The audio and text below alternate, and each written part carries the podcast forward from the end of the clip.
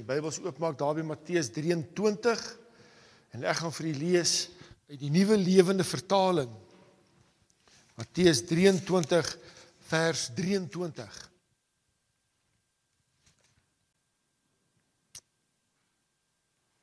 En Jesus is hier aan die woord en hy sê elende wag vir julle julle skyn heilige skrifkenners en fariseërs. Want julle gee nou keurig tiendes van die nietige deeltjies van julle inkomste. Maar julle ignoreer die eintlik belangrike dinge waarom dit in die wet gaan om te doen wat reg is, om deernis te betoon en om mense van julle woord te wees. Julle behoort die tiendes te gee. Maar die belangriker dinge mag julle ook nie nalat nie. Die tema van my boodskap vanoggend wat ek moet leer, ag wat ek met u wil deel, gaan oor die leerstelling van tiendes. Seën of vloek. Die leerstelling van tiendes is seën of 'n vloek.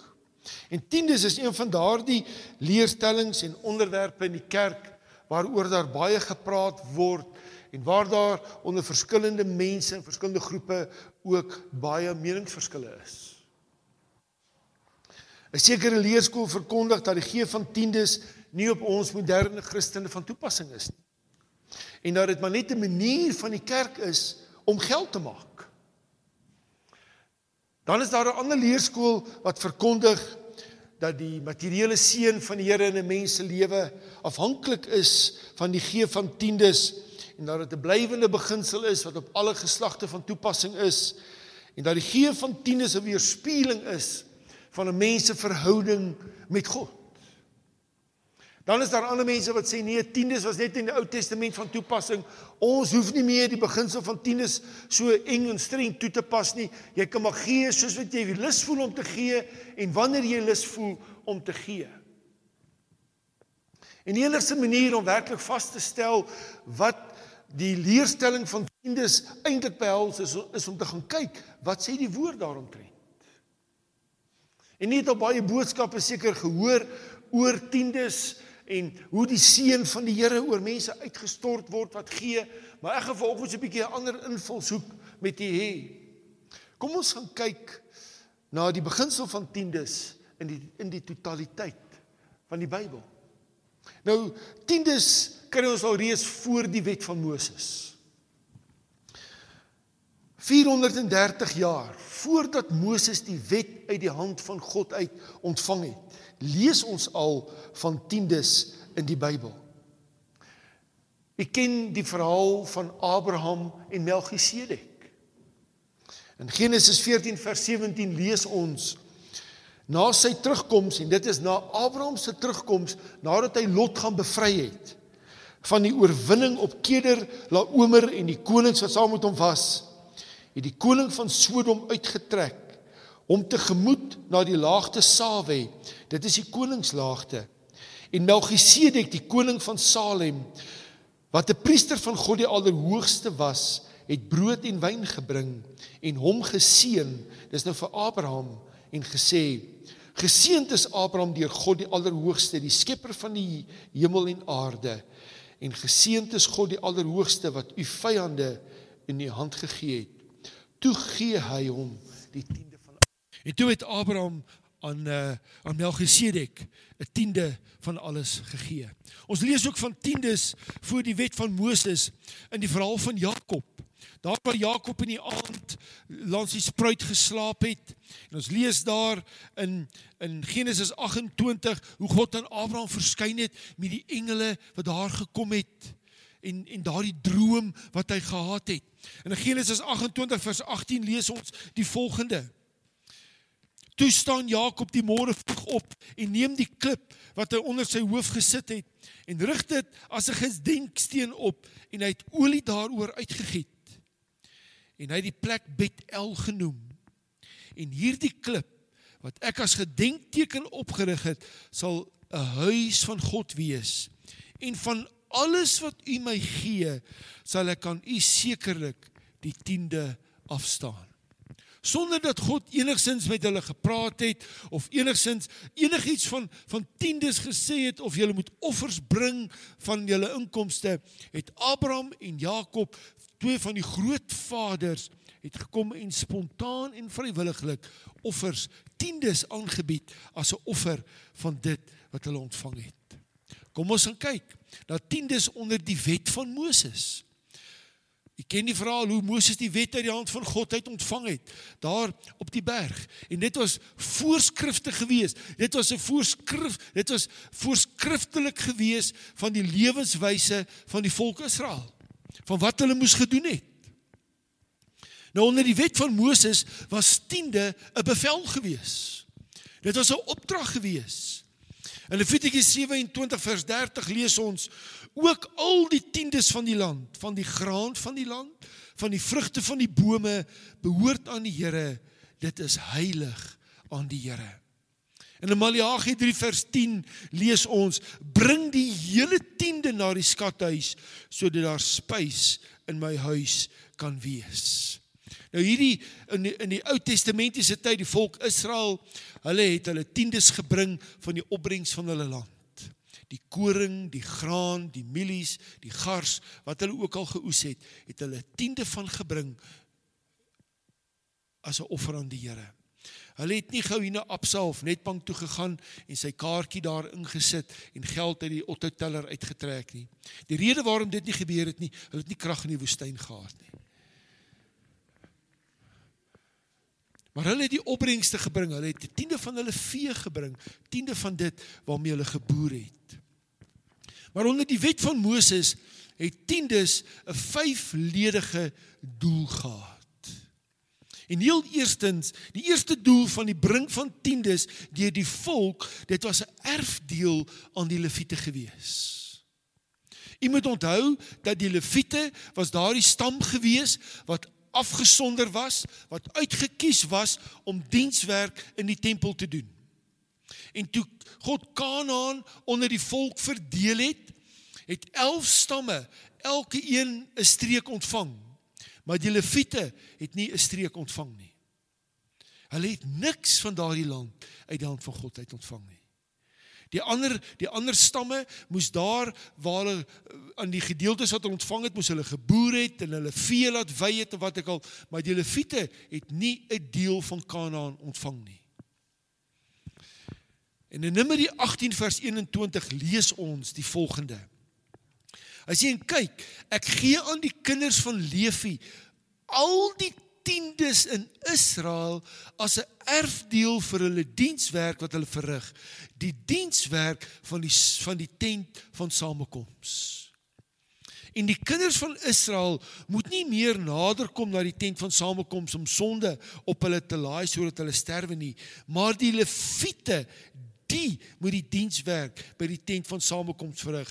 En hulle moet hulle hul ongeregtigheid dra 'n uh, 'n ewige instelling in julle geslagte en onder die kinders van Israel moet hulle geen erfdeel kry nie. Want die tiendes van die kinders van Israel wat hulle aan die Here as 'n offergawe gee gee ek aan die leviete as erfdeel Daarom het ek aangaande hulle gesê julle moet onder die kinders van Israel geen erfdeel kry nie. So die tiendes wat die volk ingebring het, daardie bulle, daardie beeste, daardie skape, daardie bokke, die graan, die vrugte, alles wat hulle geoes het, het na die stam van Levi toe gegaan. Hulle het 'n tempel toe gebring as 'n offer aan God. En God sê ek gee dit aan die Lewiete. 'n verdere doelstelling ehm um, van tiendes was gewees 'n tiende van tiendes het aan die priesters gegaan.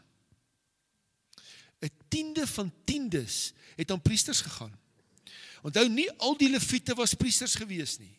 Party het net skoon gemaak, ander het sekere ander dienswerk gerig. Party was voorsangers gewees, wat dit ook al mag wees. En daar was net 'n handjievol priesters gekies uit die stam van Levi.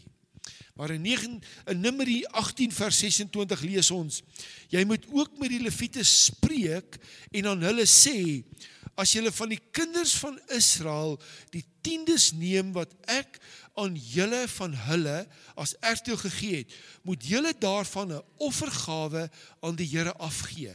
'n Tiende van van die tiende so moet julle ook 'n offergawe aan die Here afgee van al julle tiendes wat julle van die kinders van Israel neem en julle moet daarvan die offergawe aan die Here aan die priester Aaron gee. So die leviete moes 'n tiende van dit wat hulle ontvang het, moes hulle aan die priesters afgegee het. En hierdie beginsel word bevestig daar in Nehemia 10 en in Nehemia 12. Maar dan was daar verder ook nog 'n doel van tiendes en dit is dat 'n tiende van die tiendes ook aan die armes en ander geestelike leiers afgestaan moes word. En hierdie tiende van tiendes aan die armes en en ander mense het eenmal in in 3 jaar gebeur. Dit was nie 'n voortdurende instelling wat daagliks gebeur het nie. Eenmal in 3 jaar het dit gebeur. Dit was amper soos 'n bonus wat wat um, uitgedeel was. En ons lees daar in Deuteronomium 14 vers 27, maar die leviet wat in jou poorte is, hom moet jy nie aan sy lot oorlaat nie want hy het geen deel of of erfenis saam met jou nie. Aan die einde van 3 jaar moet jy uitbring al die tiendes van jou opbrengs in die jaar en dit in jou poorte wegsit. Dan moet die leviet kom omdat hy geen erfdeel of erfenis saam met jou het nie en die vreemdeling en die wees en die weduwee wat in jou poorte is en hulle moet eet en versadig word sodat die Here jou God jou kan seën in al die werk van jou hand wat jy doen. So u kan sien, die tiendes was was was 'n offer aan God wat aan die wat God vir die leviete gegee het, maar daarvan moes ook versprei geword het.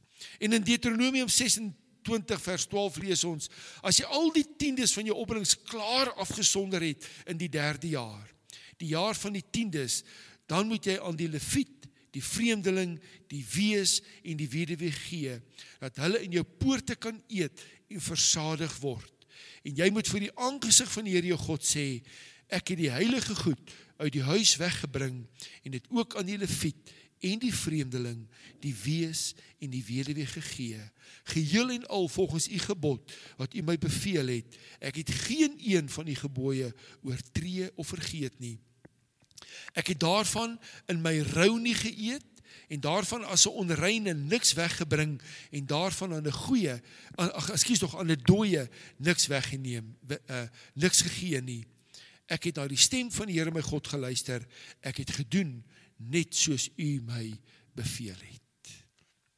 Dit was 'n opdrag, 'n wetlike voorskrif gewees. Nou onder die wet van Moses het was 'n verdere doel van uh, van tiendes was gewees om in die huis van God te voorsien om toe te sien dat daar in die huis van God sal wees. En daar in Maleagi 3 vers 10 lees ons: Bring die hele tiende na die skathuis sodat daar spys in my huis kan wees. Dit was 'n opdrag gewees. Maar dan 'n verdere doel van tiendes was om eer aan God te bring, om God te loof en te eer vir sy grootheid en sy goedheid. En in Spreuke um, 9 vers 3 um, 3 vers 9 lees ons: Vereer die Here uit al jou goed en uit die eerstelinge van jou inkomste. Vereer die Here uit jou goed en uit die eerstelinge van al jou inkomste. Nou wanneer moes tiendes gebring word onder die wet van Moses? Tiendes was jaarliks gebring saam met die offers en die en die offerhande wat gewoonlik na die oesfees of Shavuot toegebring is. Dis wanneer die volk bymekaar gekom het en en eer aan God gebring het vir die oes wat hulle ontvang het dat God aan hulle voorsien het. En dan het hulle die tiendes gebring. En in Deuteronomium 12 vers 6 lees ons en daarin moet julle jul brandoffers bring en julle slagoffers en julle tiendes en die offergawes van julle hand en julle gelofte. So jy kan sien daar's 'n hele klomp goed wat hierdie ouens gebring het. En julle vrywillige offers en die eersgeborenes van julle beeste en van julle klein vee. Ek wil net nie u eersgeborenes hê nie, asseblief. En daar moet julle voor die aangesig van die Here julle God eet en vrolik wees, julle en julle huisgesinne oor alles waar julle julle hand aan slaan, waarin die Here julle God jou geseën het. U kan sien by daardie fees, dit was 'n fees gewees. Toe offers en tiendes gebring was, was dit 'n groot fees gewees wat vir 'n week lank aangehou het. Want die mense was dankbaar. Hulle was bly geweest vir dit wat God vir hulle gedoen het en het hulle met groot vreugde hulle tiendes na die tempel toe gebring. Het hulle hulle tiendes afgestaan aan die Here. Meer 14 Selfs waar hierdie ver van die bly. Ver prys. Ek kan vir myself dink, hy het nou nie 'n uh, 'n uh, bakkie gehad, 'n uh, Isuzu bakkie of wat ook al wat hy die goed kon oplaai en sê ek bring nou die kraan, die graan en al die goed toe nie. Nee, hoor wat sê, wat sê Deuteronomium 4 en uh 14 vers 22. En as die pad vir jou te lank is, as jy dit nie kan vervoer nie, omdat die plek waar die Here jou God uitkies om sy naam daar te vestig, te ver van jou is. As die Here jou God jou sal seën, dan moet jy dit tot geld maak en die geld in jou hand bind en na die plek gaan waar die Here jou ehm, wat die Here jou God sal uitkies, dan moet jy die geld gee. So selfs in daardie dae, as dit vir hulle moeilik was die goedere of items te bring, moes die rande en die sente en onder die Moses het tiendes aan God behoort. En tiendes het nie aan mense behoort wat dit betaal het nie. Hulle het dit daar by die gebring waar God vir hulle gegee het om dit te gee.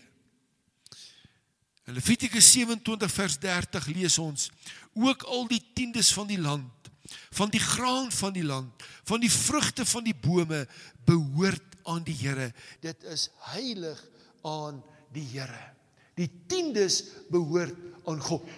Maar vandag sê ouens mos, nee wat, ek gaan nie my tiendes vir die kerk gee nie, want hulle mors dit. Hulle koop 'n mikrofoon daarmee en ek het nie my tiendes gegee dat hulle mikrofone moet koop nie. Jy gee dit vir God en die oomblik as jy dit gegee het, het jy afstand gedoen daarvan. Dit is nie joune nie. Dit is so goed. Hierdie ouens het hier op die straat toe gestaan. Ouens gee ons wel geld en sê, jy koop net nie drank met hierdie geld nie. Die oomblik as ek dit in sy hand geplaas het, het ek niks meer te doen wat hy daarmee doen nie. As jy vir my vandag 'n geldjie gee en jy sien my vanmiddag in die spur, dan het ek dit gebruik om te gaan uit eet, want dit was my behoefte. Dis my nood. Jy kan nie sê hy vervlakste pastoor, ek het nou vir hom geld gegee, kyk nou gevreet hy die spur nie. Nee, jy het afstand gedoen van jou geld. Dis net so goed jou werkgewer sê, "Willie, ek sien jy sit alweer daarso by die Kentucky." besig om ander mense se vingers af te lek. Nee, as jy dit as jy dit vir iemand gegee het, het jy afstand gedoen van jou reg op daardie geld. Dieselfde as jy jou tiendes gebring het. Dit behoort aan God. Dit is heilig aan die Here, sê Levitikus 27. En in Maleagi 3 vers 8 lees ons: Mag 'n mens God beroof? Want julle beroof my en julle sê: "Waarom beroof ons u?" in die tiendes en offergawes. Jy kan iemand slegs beroof as dit aan hom behoort. En die tiendes behoort aan God. Waarheen was die tiendes gebring? Aan die ou on, onder die wet was dit voorgeskryf. 2 Kronieke 31 vers 11 lees ons: Toe gee Jehiskia bevel om kamers in die huis van die Here in te rig. En hulle het dit ingerig en die offerhandes, offergawes en die tiendes en die heilige gawes getrou ingebring. Ek kan vir myself dink as die volk hulle offers gebring het. Dit was 'n aansienlike klompie graan gewees wat daar ingekom het. Want dit was dit was die voorsiening vir die leviete. 'n Hele stam moes daarvan ontvang. So hulle het groot opgaarplekke. Ek wil amper sê silo's gebou daar in die tempel waar hulle hierdie offers en die tiendes gestoor het. In Nehemia 13 vers 12 lees ons en die hele Juda het die tiendes van koring en mos en olie na die voorraadkamers gebring. Hulle het dit gebring na die tempel toe. Maar weet jy wat? Nou raak die mense mos slim. Dan sê die ou, nee wat, hierdie jaar was my oes nie so goed gewees nie. As ek nou hierdie tiende van van van die koring gaan afstaan, gaan ek nie genoeg hê om self van te leef nie. En ek gaan nog nie genoeg hê om weer saad in die grond te sit vir volgende jaar se oes nie. Wat gebeur met die terughou of die leen van tiendes? Ja, ek het nou nie hierdie jaar so goeie oes gehad nie, maar volgende jaar dan gee ek 'n dubbele tiende van dit wat ek hierdie jaar moes gegee het en volgende jaar se. Dit het gebeur. En mense doen dit vandag nog. Ou kom hier einde November en sê hy, nee, want ek gaan met vakansie Desember. Ek gaan nie my tiendes gee nie. Ek gaan met vakansie. En en ek check die register, sê ek, o, daai toe tiende gee nie. Here, laat hy vier pap wiele kry net op pad sien toe. Here, laat hy vliegtyg pap wiele kry. Ja. Maar hoor wat sê die woord. Hoor wat sê die Bybel oor mense wat tiendes terughou of van hulle tiendes leen. En dan moes 20% rente bereken word op hierdie tiendes wat mense terughou het. 20%. Nou praat jy 'n bietjie met Renier en uh Bossie wat by die bank werk. 20% rente is 'n klompie geld wat jy soms eenmalig moet uitbetaal. Levitikus 27 vers 31 sê: Maar as iemand van sy tiende iets verlos, moet hy die 5de deel daarvan byvoeg. Jy moet 20% addisioneel betaal. Nou laat ek vir u vandag sê, daar's mense wat vrot is in die skuld by God aan rente wat hulle God skuld. Wat gebeur? Wat het gebeur indien die mense tiendes omgeruil het?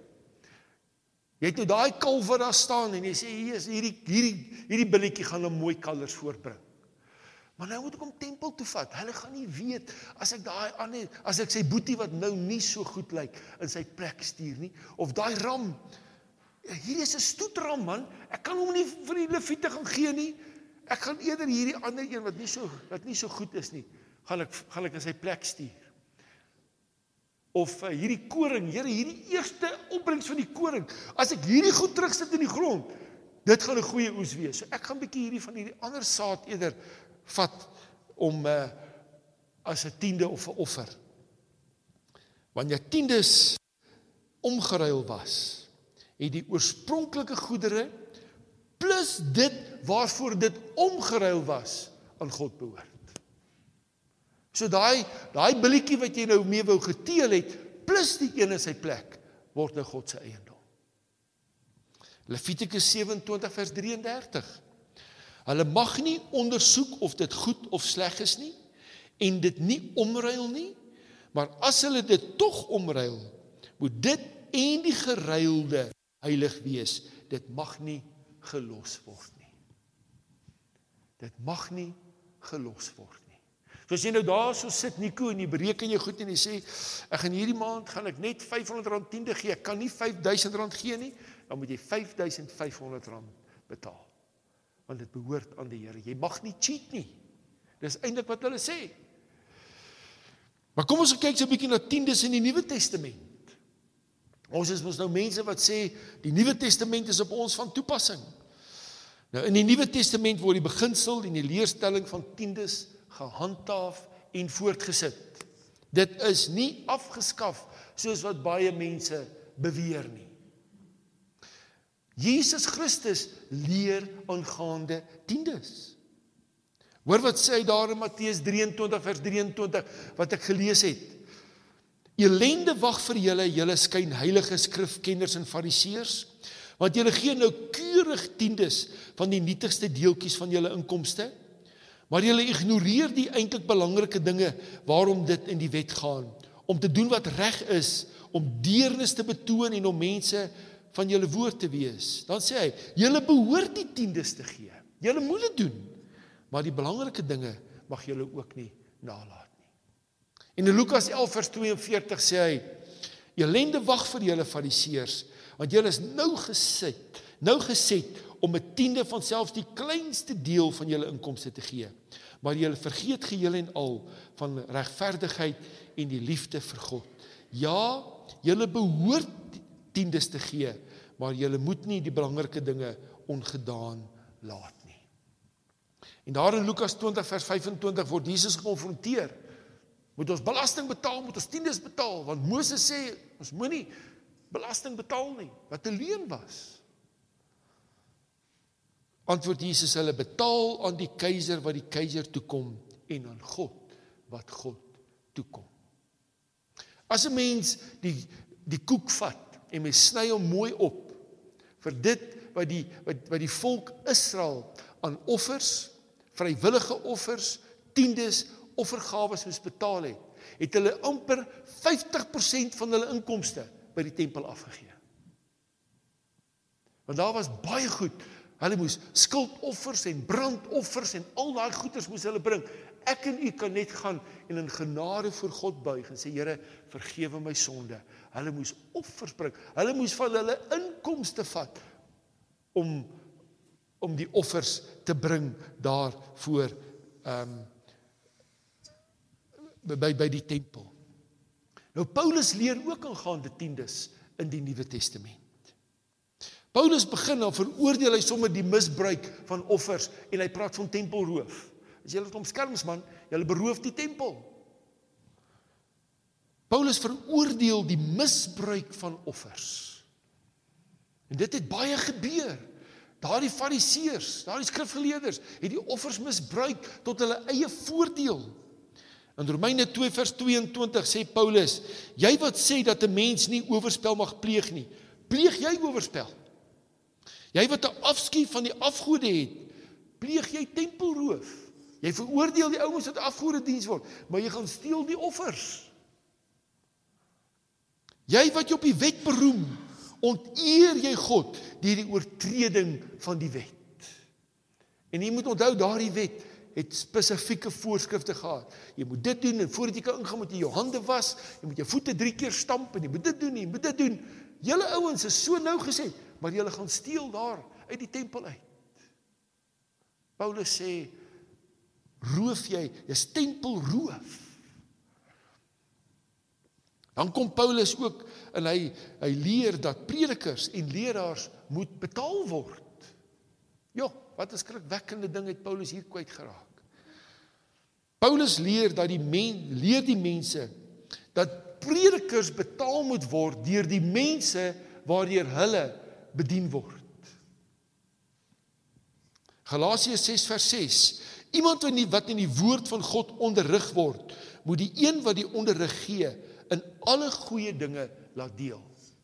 Let wel, in alle goeie dinge Die ondersteuning van leraars en predikers is deur God ingestel. Dis nie 'n menslike instelling nie. Dis deur God ingestel. In 1 Korintiërs 9 vers 7 lees ons: Wie dien ooit as soldaat op eie koste? Wie plant 'n wingerd en eet nie van sy vrug nie? Of wie pas 'n kudde op en geniet nie van die melk van die kudde nie? Sê ek dit miskien menslikerwys of sê die wet dit ook nie? Want in die wet van Moses is geskrywe: 'n os wat graan dors, mag nie muilband nie. Is dit miskien oor die osse dat God hom bekommer of spreek hy inderdaad om ons ontwil? Ja, want om ons ontwil is dit geskrywe omdat hy wat ploeg op hoop moet ploeg en hy wat dors op hoop om wat hy hoop deelagtig te word. As ons vir julle die geestelike gesaai het, is dit 'n groot saak as ons julle stoffelike goed maai. Paulus sê, dis nie 'n skande nie.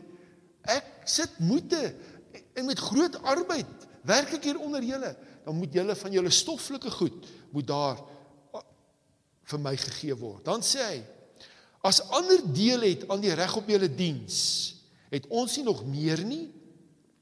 Weet julle nie dat die wat met die heilige dinge werk uit die heiligdom eet nie? En dat die wat by die altaar besig is met die altaar deel nie so het die Here ook vir die wat die evangelie verkondig bepaal dat hulle van die evangelie moet lewe. In 1 Timoteus 6 vers 17 vermaan Paulus die mense en hy sê sê aan hulle wat ryk is in hierdie wêreld om nie trots te wees en op hulle geld te vertrou wat spoedig sal verdwyn nie maar hulle vertroue moet in die lewende God wees sê hulle moet hulle geld gebruik om goed te doen hulle moet ryk wees in goeie dade en moet ruim gee aan die in nood Hulle moet altyd gereed wees om wat God aan hulle gegee het met ander te deel. Maar nee. En ons het altyd gesê dit is hoekom hulle ryk is. Want dit bly net in hulle bankrekenings. Wie is die mense wat gewoonlik hulle harte oopmaak en gee? Die ouens wat dit eintlik nie kan bekostig nie. Maar die ouens wat dit kan bekostig, se beursies is 99% van die tyd toe. Dit laat my dink aan die ou wat gesê het, pastoor, saam met my bid, jong, dat ek die dat ek die lotto wen. As ek die lotto wen, dan gee ek 'n tiende van daardie miljoene wat ek wen vir die kerk. Daai pastoor het maar saam met die ou gebid, om wragtig al wen die ou die lotto. Die pastoor kyk Sondag, daar kom niks in nie. Daar kom niks in nie. Na so 'n paar weke toe gaan hy na die ou, hy broer, ek het saam met jou gebid. Jy het gesê jy gaan 'n uh, tiende van hierdie 100 miljoen wat jy gewen het by die lotto, gaan jy vir die kerk gee. Ja, pastoor, jy moet onthou, 'n ryk man en 'n arme man dink nie dieselfde nie. En dit is so. Dit is so. Nou daar's 'n belangrike beginsel wat Paulus ook leer. En dit is dat Christene moet tiendes betaal volgens hulle eie vermoë, hulle eie inkomste. Hulle kan nie sê, "O, hierdie Ferreris klomp eiendomsagente, hulle maak miljoene rande in 'n jaar nie. Wil ek kan nie nou staan en kyk en sê, "O nee, ek sien hierdie weduwee, sy gee net R300 'n maand. Ek gaan ook net R300 'n maand gee nie." Nee, elke een moet gee volgens sy eie inkomste en sy eie vermoë. Indien jy welgesteld is, moet jy volgens dit gee. Indien jy minder gegoed is, gee jy daarvolgens. In 1 Korintiërs 16 vers 2 lees ons: Op elke eerste dag van die week moet elke een van julle self op sy sit en opspaar na mate sy voorspoed is. Na mate jou inkomste moet jy jou tiende bereken. Sodat die insameling nie eers plaasvind as ek daar kom nie. En dit is 'n eenvoudige beginsel. Jy moet 1000 rand 'n maand verdien. Tiende van 1000 rand is hoeveel wil jy? 10 rand, nê? Nee. 100 rand. Maar die ou wat 50000 rand 'n maand verdien, hy gee nie net 50 rand nie, hy moet 5000 rand moet hy betaal. In die Nuwe Testament lees ons dat geloofskinders van Abraham moet in sy voetstappe volg. Die geloofskinders van Abraham moet in sy voetstappe volg. Ons is geloofskinders van Abraham. In Hebreërs 6 en 7 lees ons van die ewige priesterskap van Melchisedek en hoe Jesus ewig priester is volgens die orde van Melchisedek. So 'n paar weke gelede het ek vir julle 'n boodskap gepreek oor die ewige priesterskap volgens die orde van Melchisedek waarin Jesus Christus staan. En hierdie ewige priesterskap volgens die die die orde van Melchisedek moet deur die geloofskinders van van Abraham ondersteun word en ons is die geloofskinders van Abraham. In Hebreërs 7 vers 8 lees ons van die tiendes wat gegee word vir hierdie ewige priesterskap. Hoor wat sê hy? Hy sê en hier neem wel sterflike mense tiendes, maar daar is een verwysend na Jesus Christus van wie getuig word dat hy lewe. En om so te sê, het ook Levi wat tiendes ontvang deur Abraham tiendes gegee. Want hy was nog in die lendene van sy vader toe Melchisedek om te gemoed gegaan het. Wat sê Paulus hier?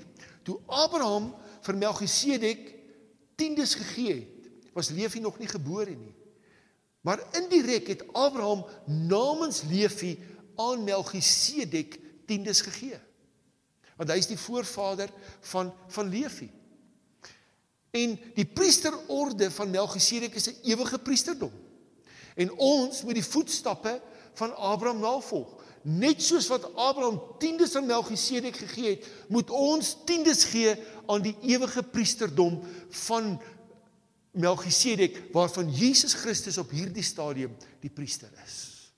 So ons moet tiendes gee aan die priesterorde van Melchisedek aan Jesus Christus.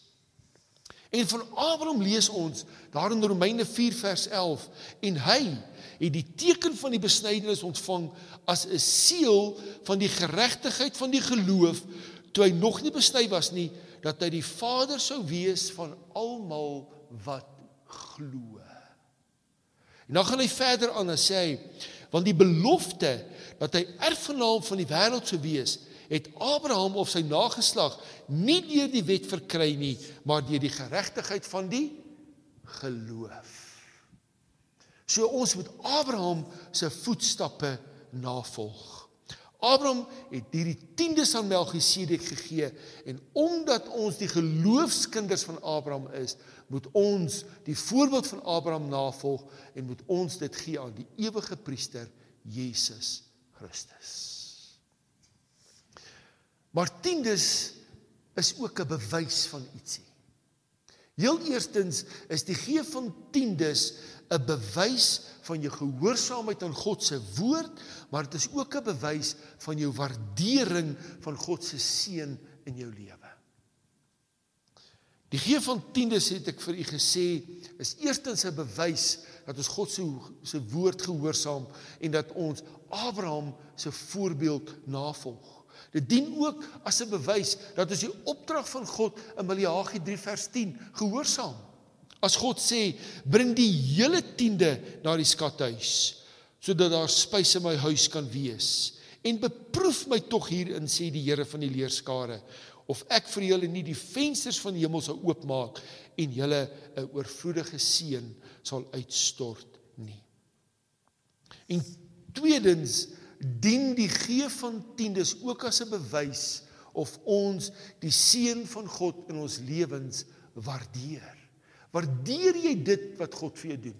Sê hy, weet jy wat is my harde werk? God het niks hiermee uit te waai nie. Daar is mense wat dit sê. In 1 Timoteus 6 vers 17 lees ons: Sê aan hulle wat ryk is in hierdie wêreld om nie trots te wees en op hulle geld te vertrou wat spoedig sal verdwyn nie maar hulle vertroue moet in die lewende God wees wat aan ons ryklik alles skenk wat ons nodig het om die lewe te geniet. Sê hulle moet hulle geld gebruik om goed te doen. Hulle moet ryk wees in goeie dade en moet ruim gee aan die nood. Hulle moet altyd gereed wees om wat God aan hulle gegee het met ander te deel. En dan skryf Salomo daar in Spreuke 3 vers 9: Vereer die Here uit jou goed en uit die eerstelinge van al jou inkomste. Vereer die Here, bring lof en eer aan hom wat dit vir jou gegee het. En dan sê hy met al jou inkomste. Want jy weet mense is deesdae baie slim. Ouens sit en ek onthou toe ek in die sekulêre wêreld gewerk het, aan die einde van die maand as ek my salaris ontvang het, my huis was betaal, want in die staatsdiens trek hulle jou huis paaiement as jy verband het, trek hulle dit van jou salaris af. Jou polisse is afbetaal, my mediese fonds was afgetrek en my pensioenbydrae was afgetrek.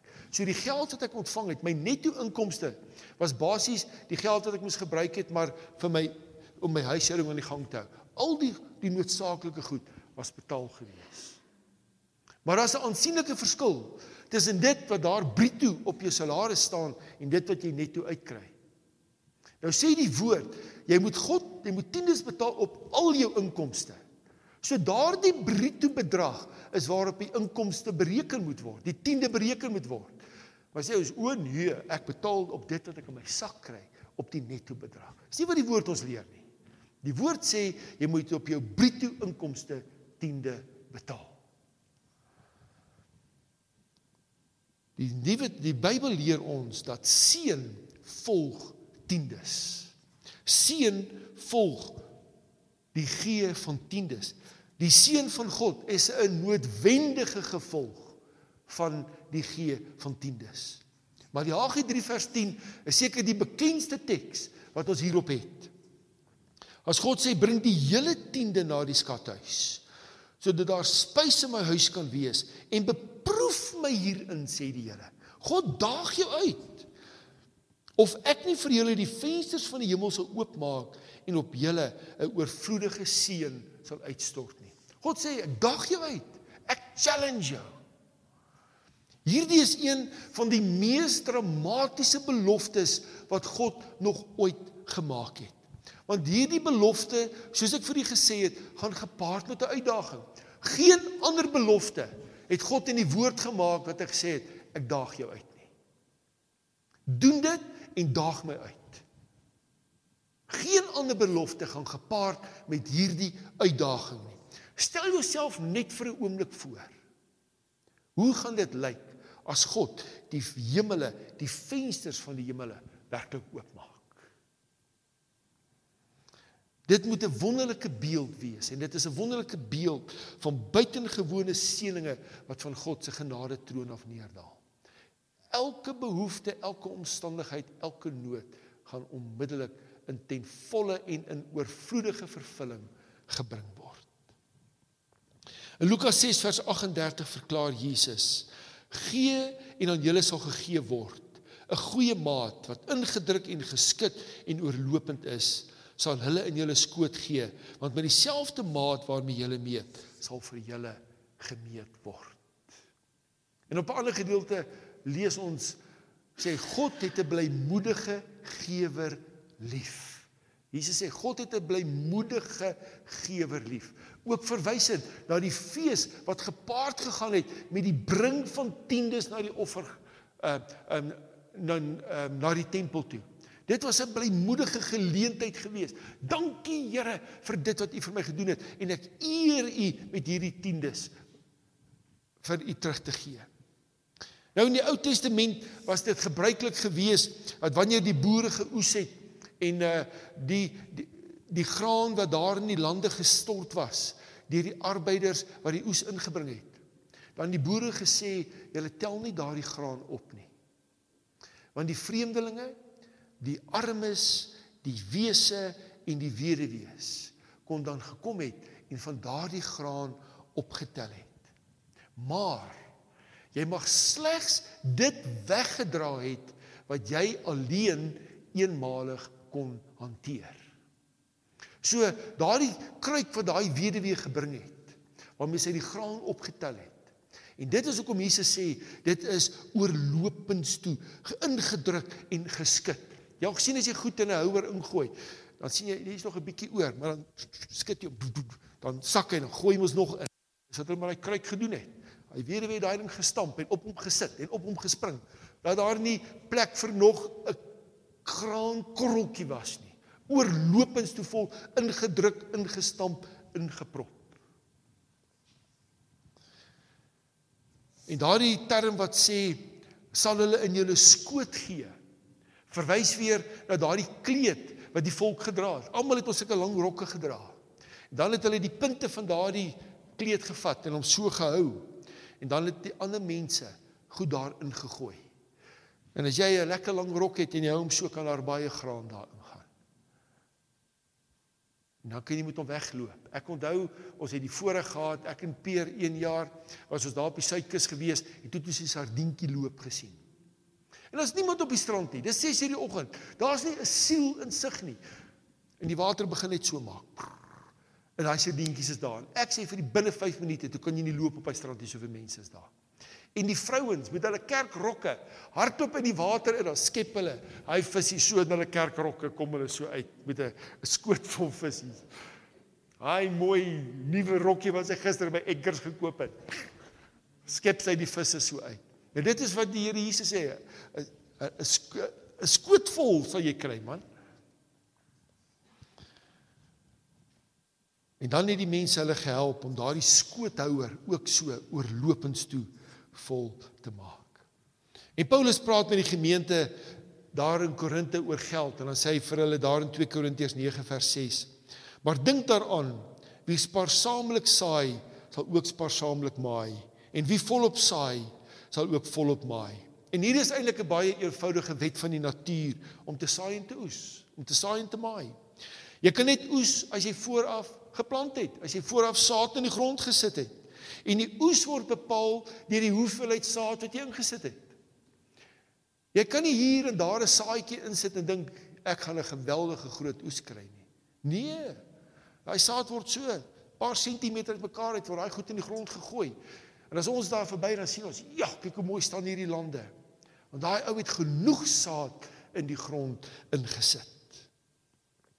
En God beloof hier dat hierdie selfde wet op ons finansies van toepassing sal wees. Indien ons oorvloedig saai, sal ons ook oorvloedig maai. Maar indien ons spaarsaamiglik saai, sal ons ook spaarsaamiglik maai. En dan moet jy onthou baie goed. Bring meer is is 'n uh, meerjarige plante wat ons saai. Jy oes voortdurend uit daardie goeters uit. Maar dan is daar 'n oes, 'n saad wat jy insit tot 'n eenmalige oes lewer en is verby. Dit is 'n bevestiging van hulle wat spaarsaamlik saai sal spaarsaamlik maai word bevestig deur Paulus ag deur Salomo daar in Spreuke 3 vers 9 as hy sê vereer die Here uit jou goed en uit die eerstelinge van al jou inkomste dan sal jou skure vol word van oorvloed en jou parskuipe oorloop van mos. Die Bybel is vol voorbeelde van mense wat tiendes gegee het. Ons het ek het vir u gelees van Abraham wat 'n tiende van Melchisedek gegee het. Jakob wat daar by Bethel beloof het, Here, alles sal ek 'n tiende vir U afstaan. En dan lees ons daar in 2 Kronieke 31 van koning Hiskia en die hele Israel het tiendes vir God gebring. Daar in Nehemia 13 lees ons van Nehemia en die hele volk Israel het tiendes aan God gebring. En nou hier is 'n interessante een. Weet jy dat tot die skyn heiliges het tiendes gebring? Ja, die skynheiliges. Jesus verwys ons na die skrifgeleerdes en die fariseërs as skynheiliges. Julle kom skynheiliges, julle gee tiendes. Ja, dis goed, bring dit. Hy sê maar moenie die ander goed vergeet nie. Gaan lees dit maar weer. Daar in Matteus 23 en Lukas 11 en in Lukas 18. En dan Christene. Ek mense soos ek en u wat Jesus Christus aangeneem het, lees ons daar in die Bybel in 1 Korintiërs 1 Korintiërs 16, 2 Korintiërs 7 en 2 Korintiërs 8 en daar is nog baie baie ander gedeeltes waar daar voorbeelde is van wedergebore geesvervulde mense van hier wat in Jesus Christus staan wat tiendes gebring het, wat tiendes gegee het. Wat die wat die apostels en die en die en die ander disippels wat die evangelie verkondig het, tiendes van hulle inkomste gevat het en dit vir daardie mense gegee het om hulle te onderhou en hulle te help om die evangelie van Jesus Christus te verkondig. So daar is geen skrifgedeelte in die Nuwe Testament wat 'n plaasvervangende beginsel vir die gee van tiendes voorstel of propageer nie. So enige iemand wat by jou kom en vir jou sê tiendes is 'n Ou Testamentiese beginsel, weet nie waarvan hy praat nie. Daar is geen skrifgedeelte in die Nuwe Testament wat die beginsel van tiendes afskaf nie. Dit bestaan nie. En dit is baie duidelik uit die Bybel en uit die skrif uit dat die seën van God, die materiële seën van God in jou lewe afhanklik is van jou getrouheid aan die bring en die gee van tiendes en offergawes. En ek is een van daardie mense wat verkondig en sê die gee van tiendes is 'n weerspieëling van jou verhouding met God. As jy as jy lief is vir God, sal jy doen wat God van jou verlang. Mense dink dit gaan altyd finansiëel goed met die kerk. Dit gaan nie altyd finansiëel goed met die kerk Tiendes is 'n saak van gehoorsaamheid aan die woord van God. En gehoorsaamheid is 'n saak tussen jou en God. Dis die saak wat jy met God moet uitsorteer. En dan ek moet hier so stop. Kom ons bid saam. Hemelse Vader, baie dankie Here vir die goedheid, vir die guns, vir die almag, vir die trou. En dankie Here dat U die een is wat in ons omstandighede voorsien, dat U in ons behoeftes voorsien En dankie Here dat ons weet u kyk uit vir ons. En ons eer u Here dat u ons seën en en dat ons weer 'n tiende van daardie goed wat u aan ons toevertrou Here vir u kan bring. En ek bid Here dat u in elke een se hart sal werk. Dat u in in elke persoon wat bely dat hulle kind van God is, se hart sal werk, Here. Dat mense getrou sal word aan die opdragte en voorskrifte in die woord. En dat ons wêreldwyd, Here, dat dat kerke uit hulle nate uit sal begin bars. En ons eer U daarvoor in Jesus se wonderbare en kosbare.